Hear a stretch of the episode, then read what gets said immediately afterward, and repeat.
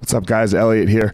Um, before we get started, I have started a Patreon account. Patreon is a place where you can go to help support the podcast. Uh, I would greatly appreciate it if you are finding it useful. I have one tier right now um, for the first 50 people.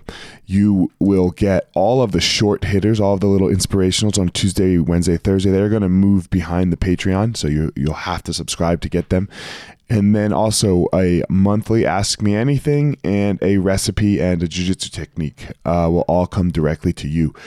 And that's it. So patreon.com backslash elliot marshall. And thank you all for your help. So guys first um, let's let me say sorry for not uh, not doing last week. Um, my it was my wife's birthday week and we were up in the mountains and yep i forgot all my stuff. So my apologies there, everyone.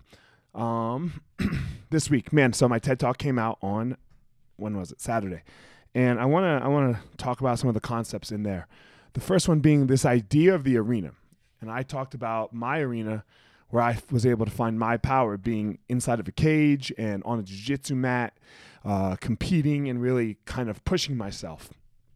Um, and I want to really clear up and say that that arena, it, it it's not the important part. The the important part is that you are always entering an arena.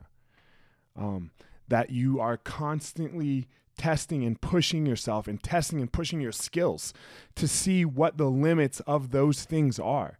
It's not it has zero importance of what that is, but you you can't sit in the comfortable area that a lot of us do, me included sometimes. I have to catch myself here sitting in the comfortable areas of success when you when you become successful because then outside forces can just boom hop upon you and yeah, you forgot how to grind. You forgot how to work and that can be a motherfucker, right?